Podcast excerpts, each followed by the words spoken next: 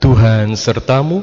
dan sertamu juga. Inilah Injil Yesus Kristus menurut Santo Yohanes. Dimuliakanlah Tuhan. Di antara orang-orang yang datang ke Yerusalem untuk merayakan Paskah, terdapat beberapa orang Yunani.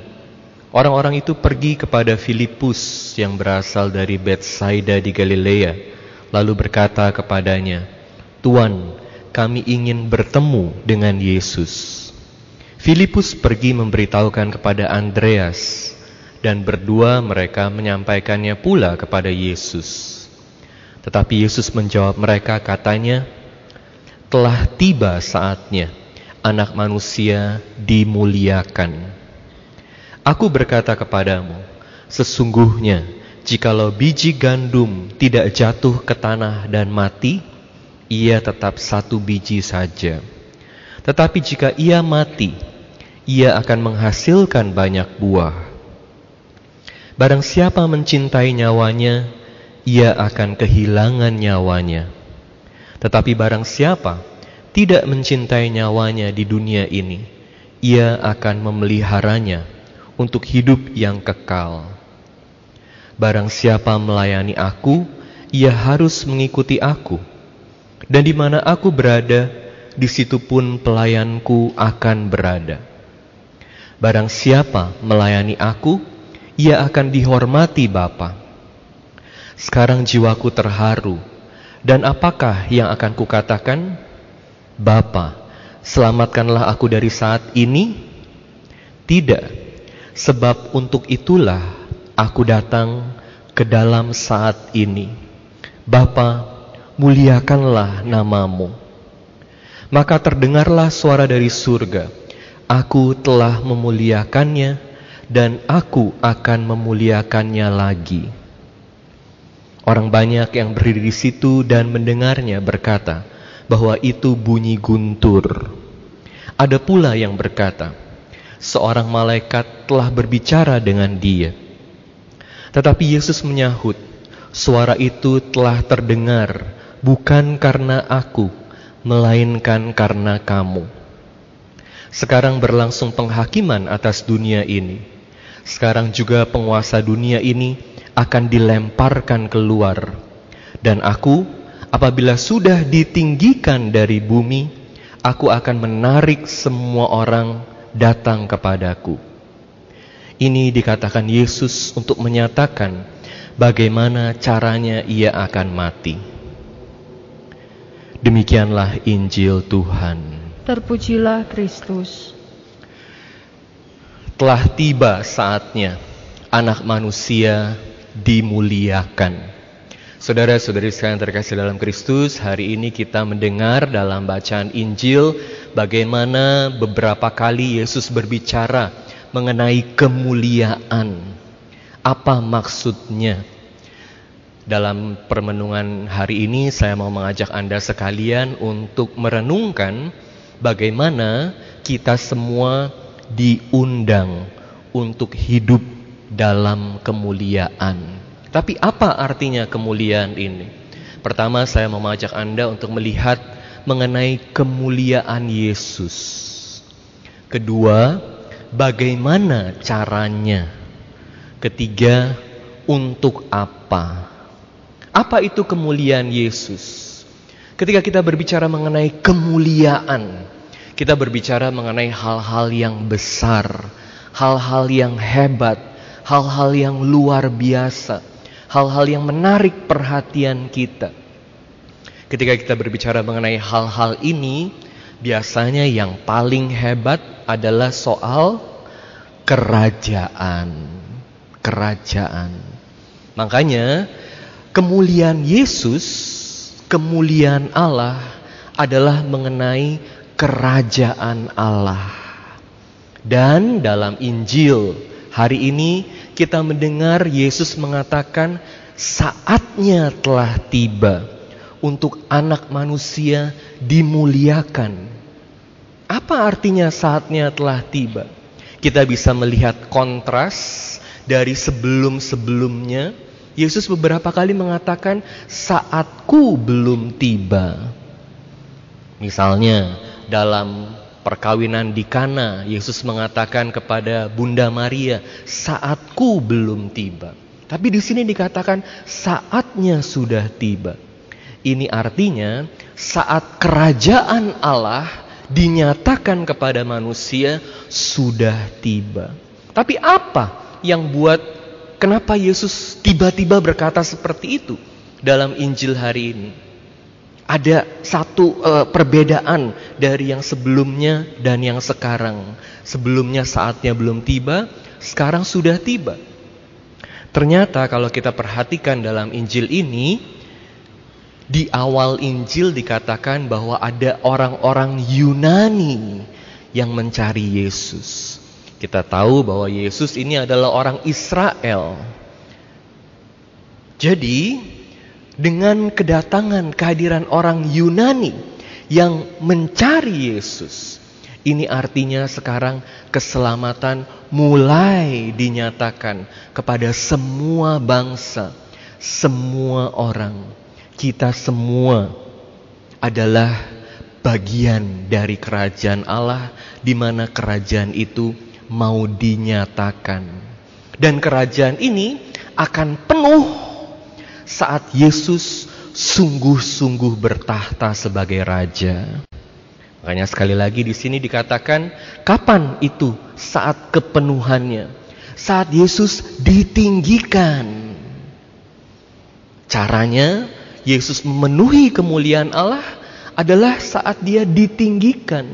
Tapi apa artinya ditinggikan? Apakah Yesus akan menjadi raja yang penuh ketika dia duduk di tahtanya yang hebat, yang luar biasa, yang megah. Tahta Yesus adalah salib. Yesus ditinggikan di salib. Makanya caranya bagaimana? Caranya Yesus katakan kalau biji gandum tidak jatuh ke tanah dan mati, dia akan tetap tinggal satu saja. Tapi kalau mati, dia akan menghasilkan banyak buah. Jadi, untuk dimuliakan seperti Yesus, kalau kita mau ambil bagian dalam kemuliaan Yesus, Anda mau gak ambil bagian dalam kemuliaan Yesus? Harus berani mati seperti Yesus, mati suci, hidup dalam kesucian. Tentu ini bukan hal yang mudah. Kita juga tahu bagaimana Yesus bergulat sebagai seorang manusia yang alaminya kita semua sebagai manusia ini takut akan kematian. Makanya Yesus katakan di taman Getsemani ketika dia berdoa, Tuhan, kalau boleh biarkanlah cawan ini berlalu daripadaku. Hari ini dalam bacaan Injil, Yesus juga katakan hal yang hampir sama dengan yang dikatakan di Getsemani. Bapa, selamatkanlah aku dari saat ini. Tapi Yesus katakan, tidak, sebab untuk itulah aku datang ke dalam saat ini. Kita bisa melihat kontras antara bagaimana kita manusia dan Yesus. Kalau kita manusia ini sering kali mau cari amannya sendiri, cari enaknya aja, mana mau berkorban.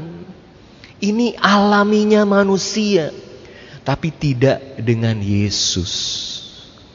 Kalau kita ingat bagaimana Adam di Taman Eden ini hanya mengikuti kehendaknya sendiri, kemauannya sendiri, terjadilah kehendakku apa yang aku inginkan, apa yang enak buat aku. Yesus di taman Getsemani berdoa supaya kehendak Allah saja yang terjadi.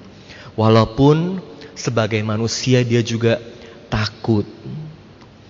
Ini di sini kita juga melihat Yesus yang akan dimuliakan, yang akan dimuliakan itu sungguh-sungguh mau berserah kepada kehendak Allah. Kita melihat kontrasnya.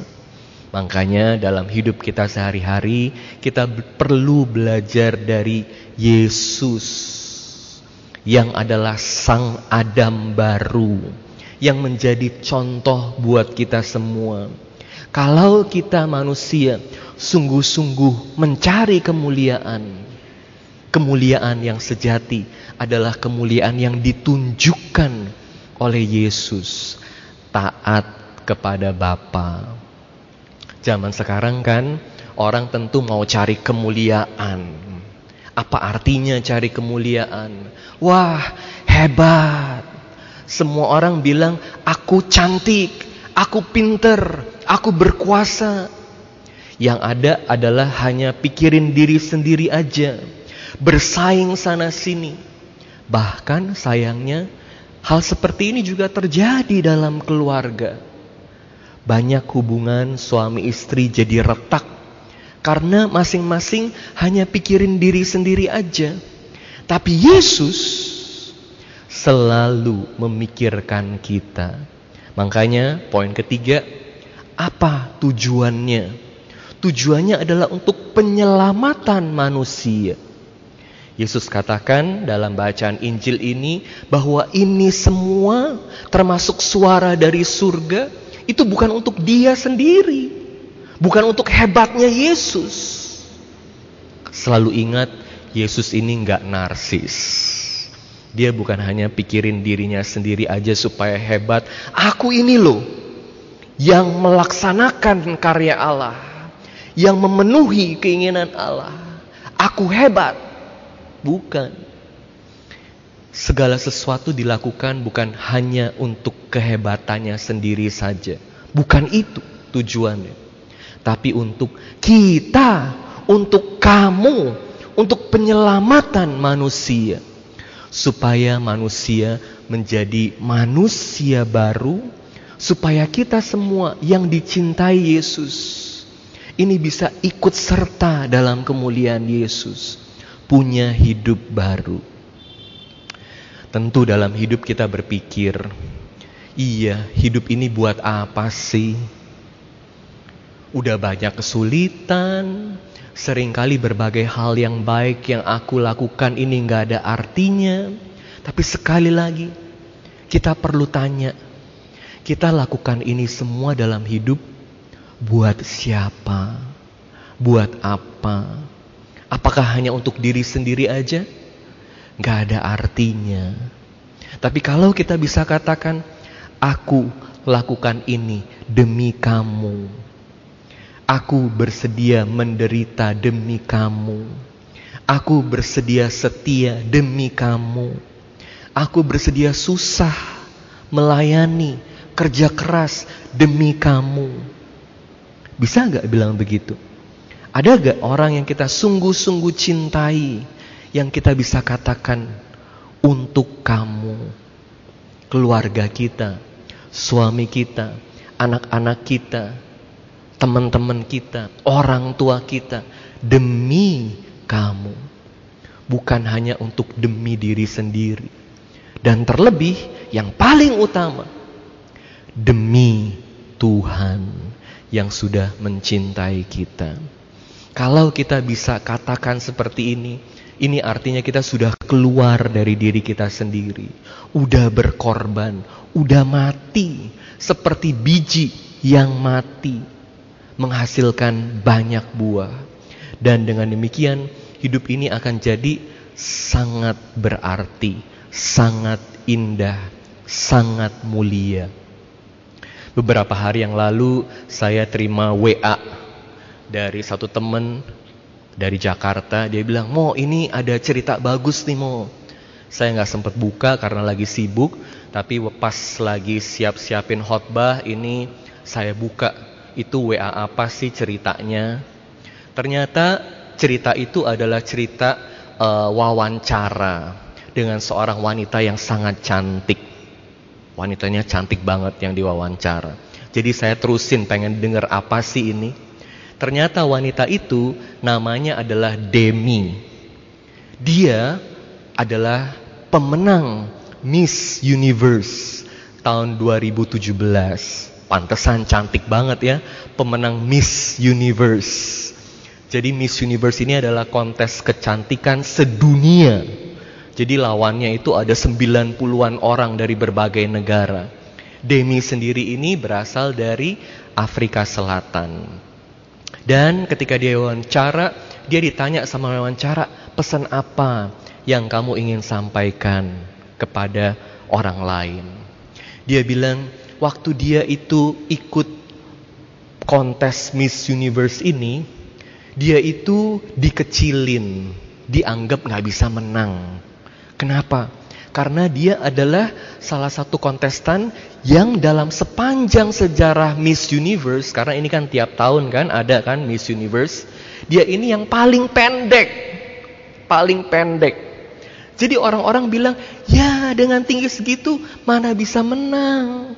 Karena yang lain itu begitu tinggi-tinggi ya. Tapi dia nggak kecil hati. Apa yang dia buat tidak kecil hati? Dia bilang, dari masih kecil dia udah diajarin sama orang tuanya, sama oma opanya bahwa semua manusia diciptakan oleh Tuhan indah adanya. Jadi kita perlu percaya bahwa Tuhan ini udah ciptakan kita indah, baik. Jadi bukan hanya kita perlu punya self confidence, kepercayaan diri, karena kalau kepercayaan diri itu gampang berubah.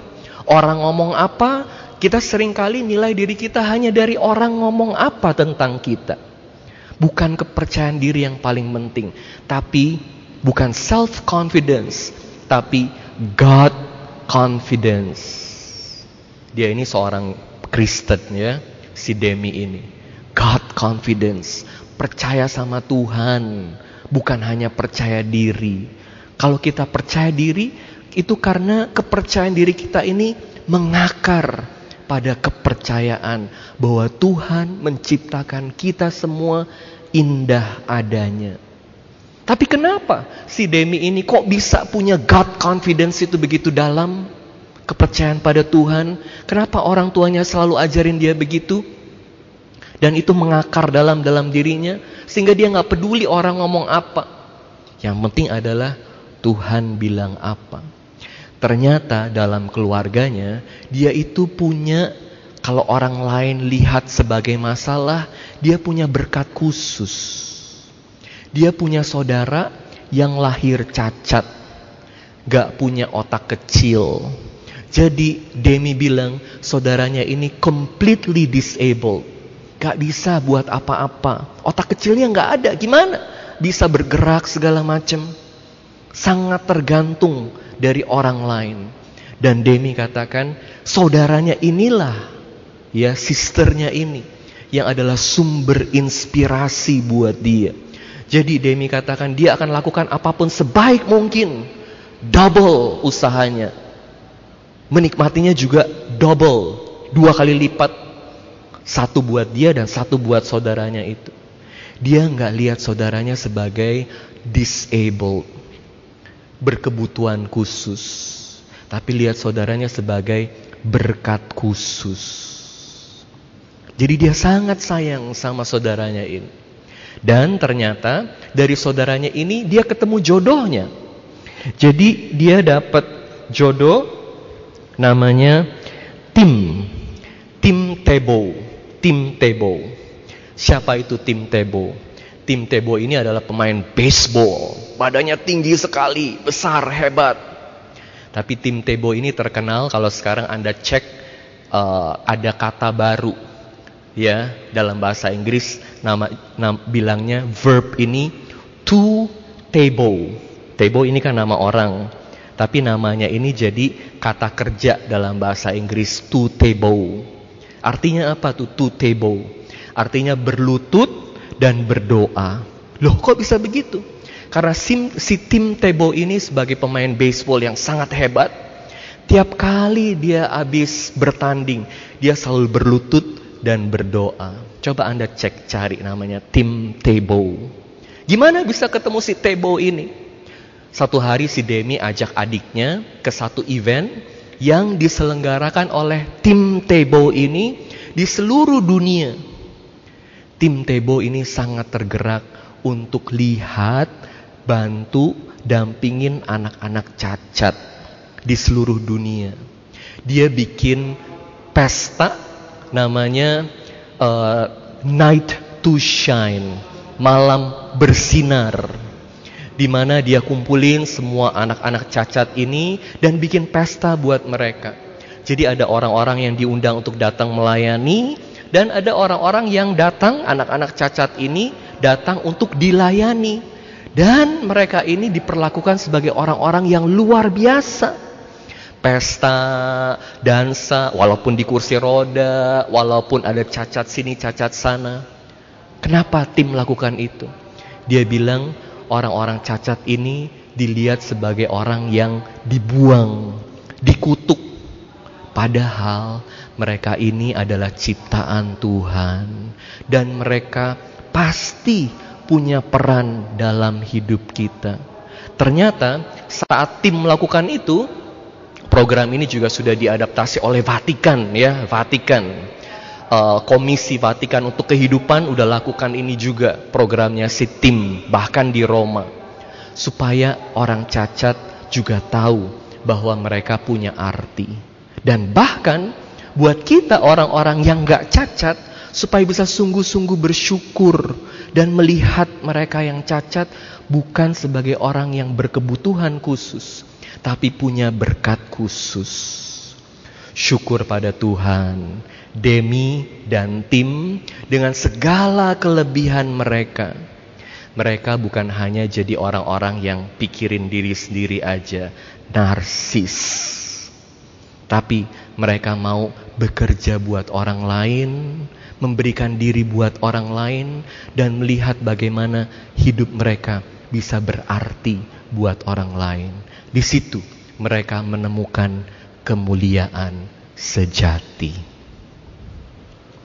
The Lord be with you. and with your spirit. A reading from the Holy Gospel according to St. John. Glory to you, O Lord. Some Greeks who had come to worship at the Passover feast came to Philip, who was from Bethsaida in Galilee, and asked him, Sir, we would like to see Jesus. Philip went and told Andrew. Then Andrew and Philip went and told Jesus. Jesus answered them, The hour has come for the Son of Man to be glorified. Amen, amen, I say to you, unless a grain of wheat falls to the ground and dies, it remains just a grain of wheat.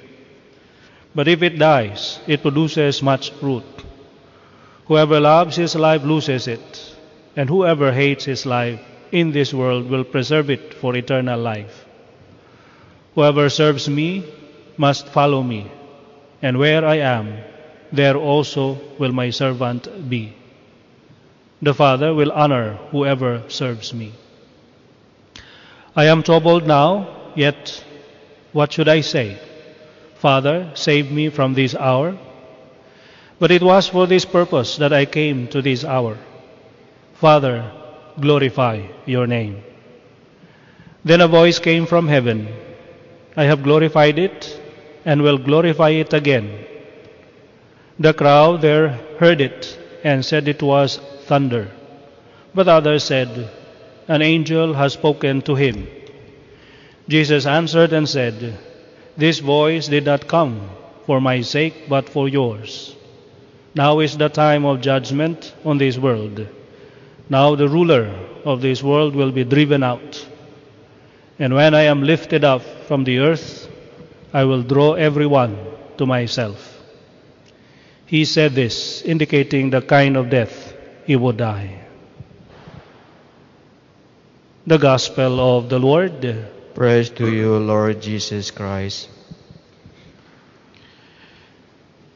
Paradox is a self is a statement, a kind of a statement that uh, apparently seems self-contradictory. Like if you want to go right, uh, proceed, turn left. Now, it's contradictory.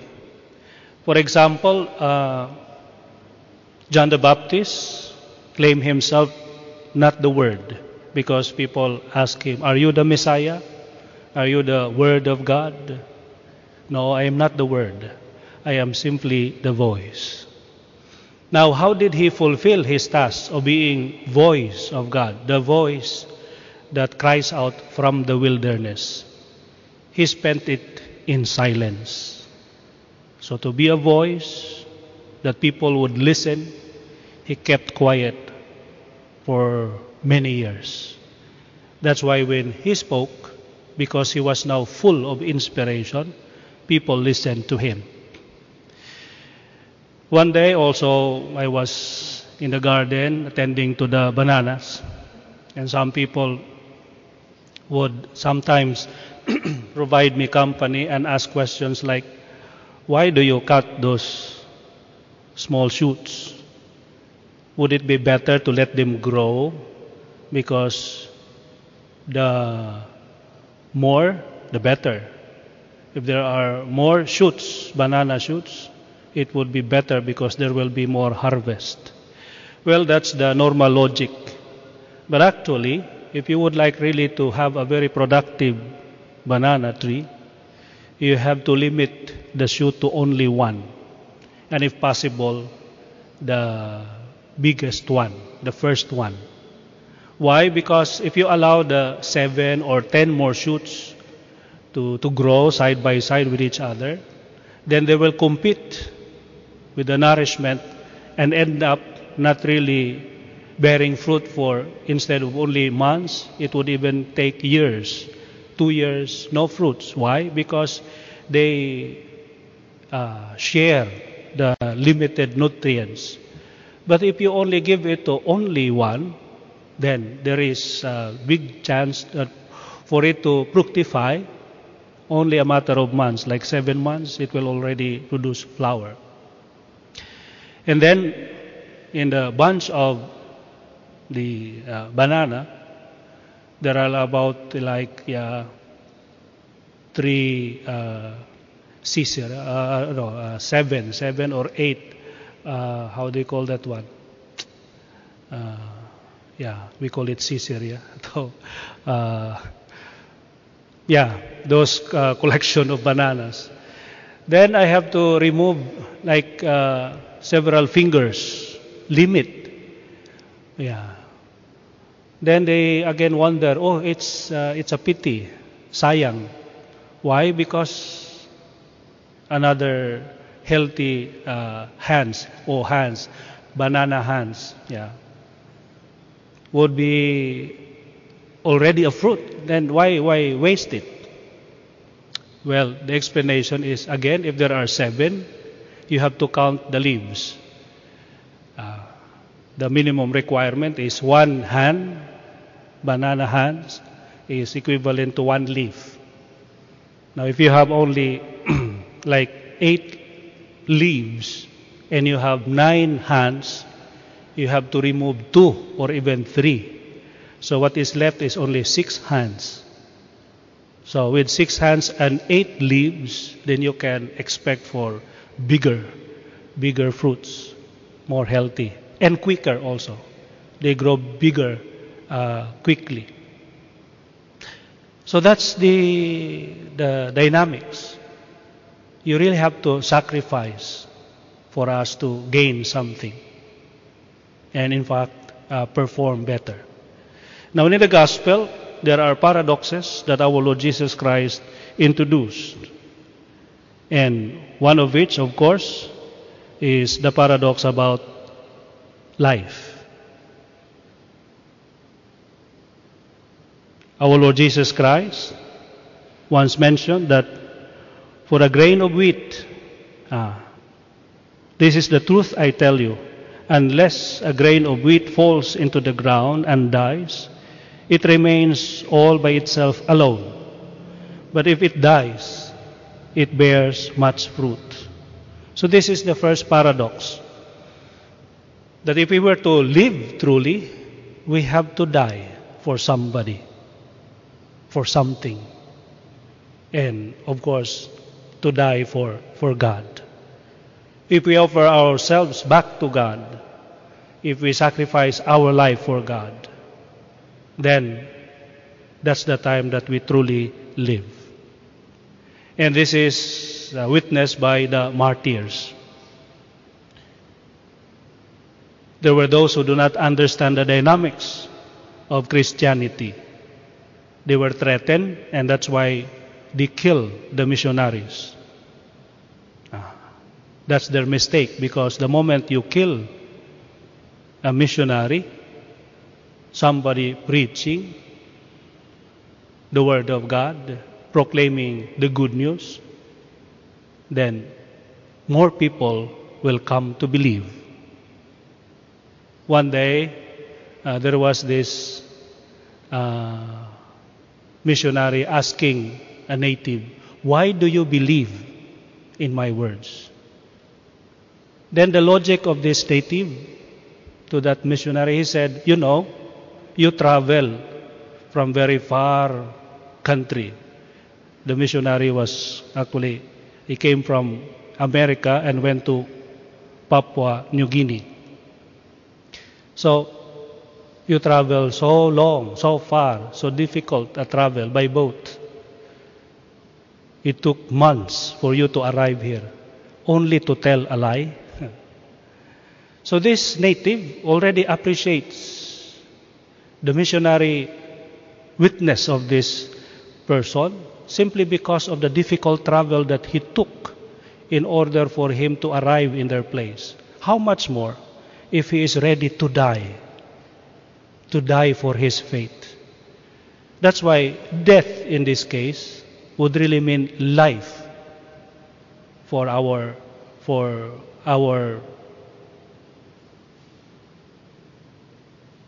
for us.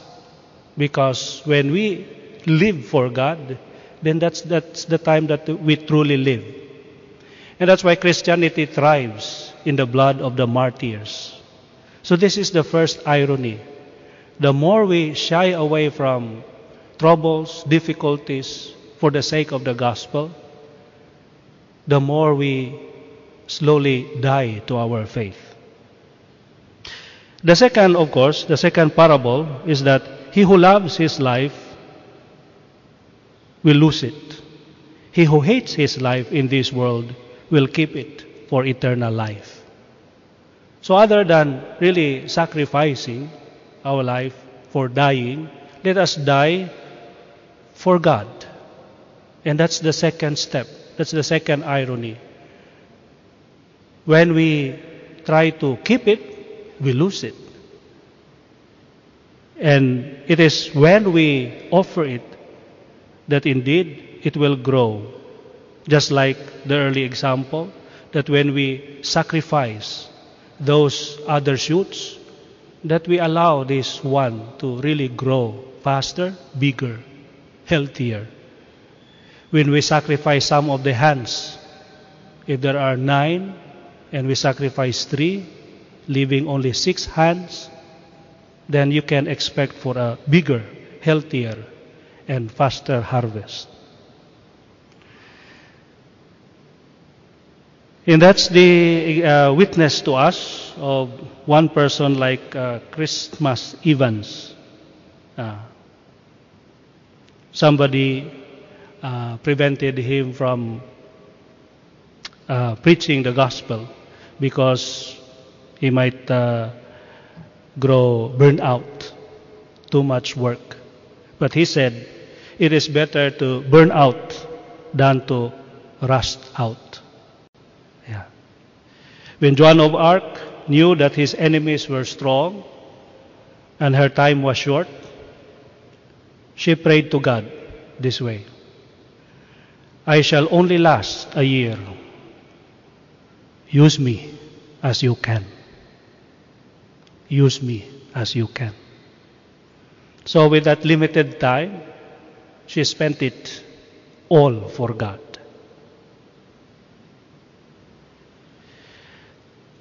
The third par- uh, paradox is in this word of Jesus If anyone will serve me, let him follow me.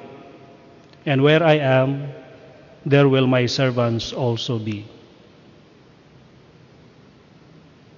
What is the paradox? Our Lord Jesus Christ was saying that the only way that only by service comes greatness. The only way to be great is to serve. Now, the world may not understand that clearly. Why? Because the measure of success normally is to have so much money in the bank, so much property, and when you can pay people to serve you, then they are already successful. If you are still doing things for yourselves, uh, making errands for yourselves, if you have no one under you, you are not yet successful. That's the measure of worldly success. But, uh, in following our Lord Jesus Christ, the best measure of success is when we are able to serve. A certain Mrs. Berwick had been very active in Salvation Army uh, in Liverpool, and then she retired. Then, when she was already in retirement, there came war, and of course, air raids. So, so many war victims, wounded uh, citizens. She was retired, but she decided to still serve. So she gathered some first aid uh, kit and then put a notice on her window. If you need help, knock here. So she could have already justified herself telling that I have done my my time when I was younger and strong and able. I already served. Now that I am old, retired, I should take my rest. But seeing the need for more service, whatever is left to her, she offered it and then put that notice. If you need help, knock here. So this is the essence of Christian uh, Christian faith or Christian attitude to our fellow men. This Lenten season, may we live by believing more and more in Jesus, in His teaching, that only by death comes life. Only by spending life do we retain it. And that only by service comes greatness. Amen. Tuhan bersamamu dan bersama rohmu. Inilah Injil Yesus Kristus menurut Yohanes. Dimuliakanlah Tuhan. Di antara orang-orang yang datang ke Yerusalem untuk merayakan Paskah terdapat beberapa orang Yunani. Orang itu pergi kepada Filipus yang berasal dari Betsaida di Galilea lalu berkata kepadanya, Tuhan, kami ingin bertemu dengan Yesus. Filipus pergi memberitahukannya kepada Andreas dan berdua mereka menyampaikannya pula kepada Yesus. Tetapi Yesus menjawab mereka katanya, telah tiba saatnya anak manusia dipermuliakan. Aku berkata kepadamu, sesungguhnya jika biji gandum tidak jatuh ke dalam tanah dan mati, ia tetap satu biji saja. Tetapi jika mati, ia akan menghasilkan banyak buah. Barang siapa mencintai nyawanya, ia akan kehilangan nyawanya. Tetapi barang siapa tidak mencintai nyawanya di dunia ini, ia akan memeliharanya untuk hidup yang kekal.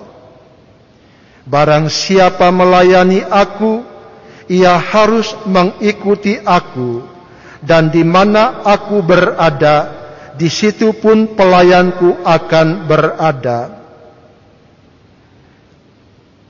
Barang siapa melayani aku, ia akan dihormati Bapa. Sekarang jiwaku terharu dan apakah yang akan kukatakan?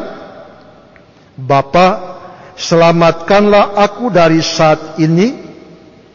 Tidak, sebab untuk itulah aku datang ke dalam saat ini. Bapa, muliakanlah namamu. Maka terdengarlah suara dari surga. Aku telah memuliakannya dan aku akan memuliakannya lagi. Orang banyak yang berdiri di situ dan mendengarnya berkata bahwa itu bunyi guntur. Ada pula yang berkata seorang malaikat telah berbicara dengan dia.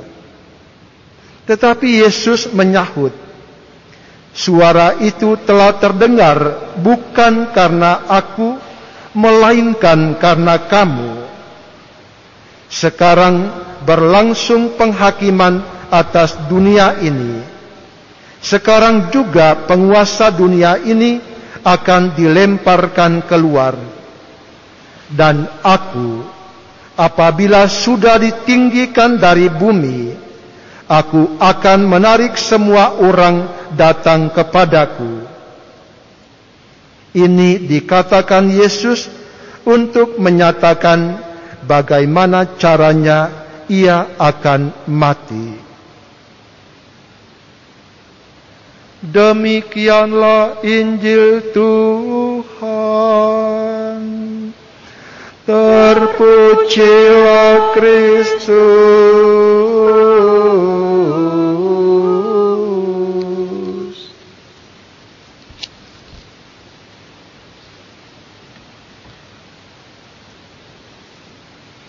Saudara-saudari yang terkasih dalam Kristus.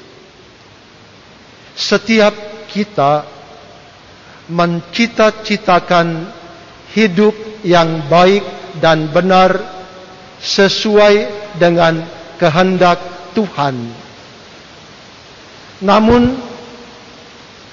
dalam kenyataan cita-cita ini tidak terwujud karena kelemahan dan kerapuhan kita sebagai manusia.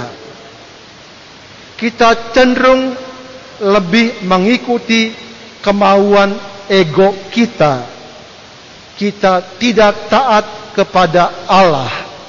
Kita tidak setia melaksanakan ajaran-ajarannya. Saudara-saudari,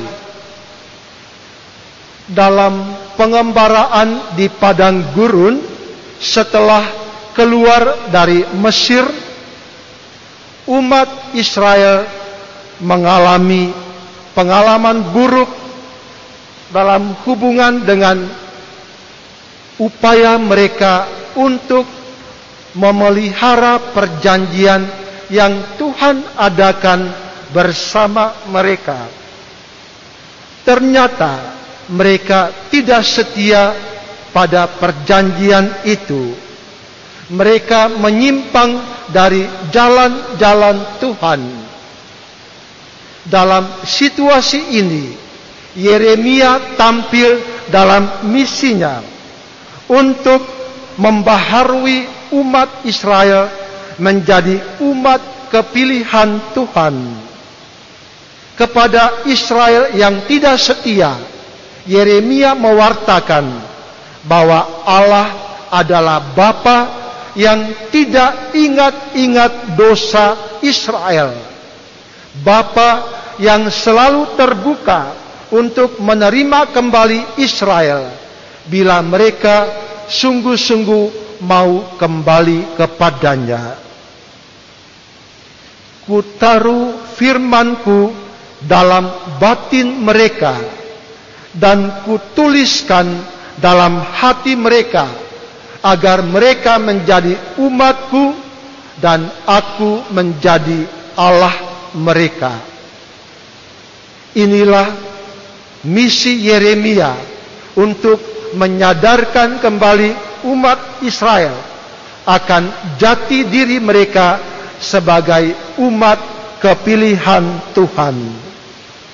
Saudara-saudari, firman Tuhan sangat dasar dan firman itu ialah Yesus Kristus sendiri yang rela menjadi manusia agar kita selamat, kita menjadi ciptaan baru.